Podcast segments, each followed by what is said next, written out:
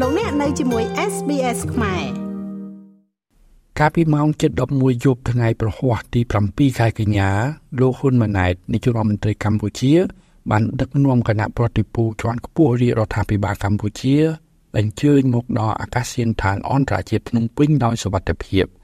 លោកហ៊ុនម៉ាណែតនិងភរិយាបានដឹកនាំគណៈប្រតិភូជាន់ខ្ពស់រាជរដ្ឋាភិបាលកម្ពុជាទៅចូលរួមកិច្ចប្រជុំកំពូលអាស៊ានលើកទី43 និងកិច្ចប្រជុំកំពូលពាក់ព័ន្ធនៅទីក្រុងហ្សាកាតាសាធារណរដ្ឋឥណ្ឌូនេស៊ីចាប់ពីថ្ងៃទី4ខែកញ្ញាដល់ថ្ងៃទី7ខែកញ្ញា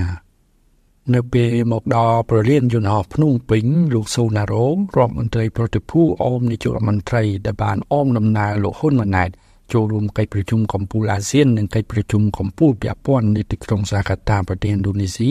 បានធ្វើសន្និសីទកាសែត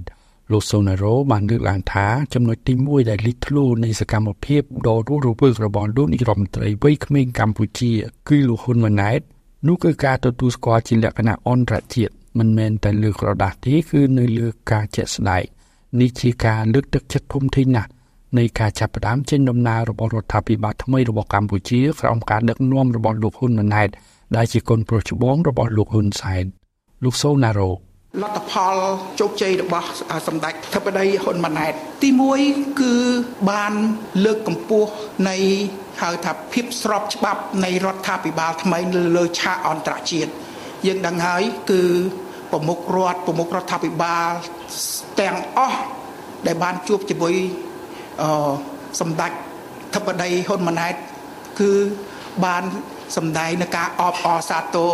មុខតំណែងថ្មីរបស់ សម្ដេចជានាយករដ្ឋមន្ត្រីនៃព្រះរាជាណាចក្រកម្ពុជាអញ្ចឹងទន្ទឹមនឹងការផ្ញើសារមកទទួលស្គាល់ហើយការជួបដោយផ្ទាល់ដោយរាក់ទាក់ដោយញញឹមដោយមានការផ្លាស់ប្ដូរយោបល់មានអីយ៉ាងយ៉ាងរស់រវើកគឺយើងដឹងស្រាប់ហើយនាយករដ្ឋមន្ត្រីកម្ពុជា គឺនិយាយភាសាអង់គ្លេសគឺថាចង់ល្អជាងជនជាតិដើមទៅទៀតអញ្ចឹងហើយ ការសន្ទនាហើយភាពឆ្លាតវៃរបស់លោកក្នុងការដាក់ជាសំណួរហើយលោកឆ្លើយឆ្លងភ្លាមរហូតដល់ប្រធានាធិបតីហ្វីលីពីនព្រឹកមិញហ្នឹងដែលជួបហ្នឹងលោកនិយាយថាយើងដឹកជួបគ្នាបានខ្លីណាមិនក៏បានលទ្ធផលច្រើនម៉េះគាត់គាត់និយាយដល់ខ្លួនឯងហ្មងបាទ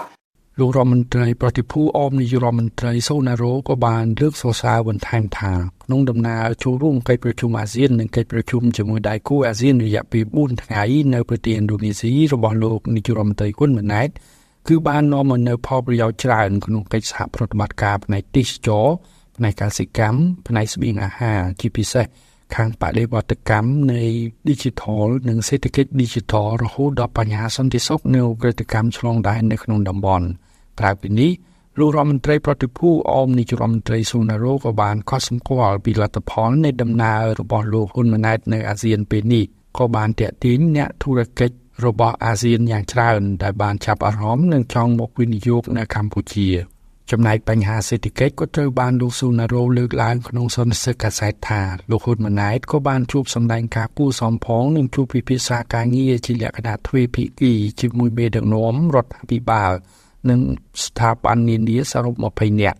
ក្រៅពីជួបសម្ដែងការគូសំជាមួយមេដឹកនាំប្រទេសនានាក៏មានការចុះកិច្ចព្រមព្រៀង MOU ផងដែរក្នុងនោះឥណ្ឌូនេស៊ីដែលជាម្ចាស់ផ្ទះរៀបចំកិច្ចប្រជុំអាស៊ានបានសម្រេចចុះកិច្ចព្រមព្រៀងនាំអង្គពីកម្ពុជាចំនួន250,000តោនកម្ពុជានិងហ្វីលីពីនក៏បានចុះហត្ថលេខាលើកិច្ចព្រមព្រៀងពាណិជ្ជកម្មជាមួយគ្នាផងដែរលោករដ្ឋមន្ត្រីប្រតិភូអមនាយរដ្ឋមន្ត្រីសូណារ៉ូបញ្ជាក់បន្ថែមថា លទ្ធផលនៃការធ្វើដំណើរដំបូងរបស់សម្ដេចគឺបានទទួលទាំងហៅថាគេឈ្មោះកិត្តិយសបានទទួលទាំងផលជាក់ស្ដែងនៃផលមិនមែនធម្មសេដ្ឋកិច្ចគេនយោបាយទៅទៀតយើងឃើញទាំងក្នុងប្រទេសប្រជាពលរដ្ឋគ្រប់គ្រងភ្លុកទឹកភ្លុកដី ទៅលើរដ្ឋាភិបាលថ្មី ហើយឥឡូវនេះចេញដំណើរទៅក្រៅប្រទេសបើកឆាកភ្លាមគឺ ល្អហើយខ្ញុំអាចហៅថាដំណើរការទូតនេះបេសកកម្មនេះគឺជាមិនមែនដំណើរទេរត់ម៉ារ៉ាតុងតែម្ដងគឺរត់រហូតរត់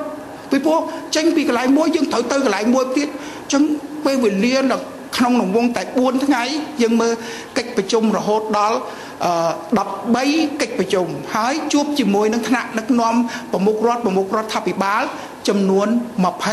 20នាក់ទាំង ទាំងប្រុសទាំងស្រីតែបាទអញ្ចឹងយើងឃើញថាការងារច្រើនមែនទែនហើយអឺទំហំនៃការរៀបចំឯកសារបញ្ហាអីគ្រប់បែបយ៉ាង គឺជាការងារច្រើនមែនទែនដើម្បី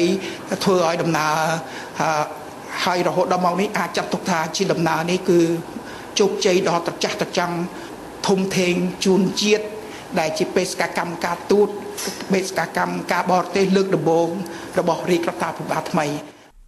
ខ្ញុំម៉េងផល្លាវិទ្យុ SBS អូស្ត្រាលីរាយការណ៍ពីរាជធានីភ្នំពេញចុច like share comment និង follow SBS ខ្មែរនៅលើ Facebook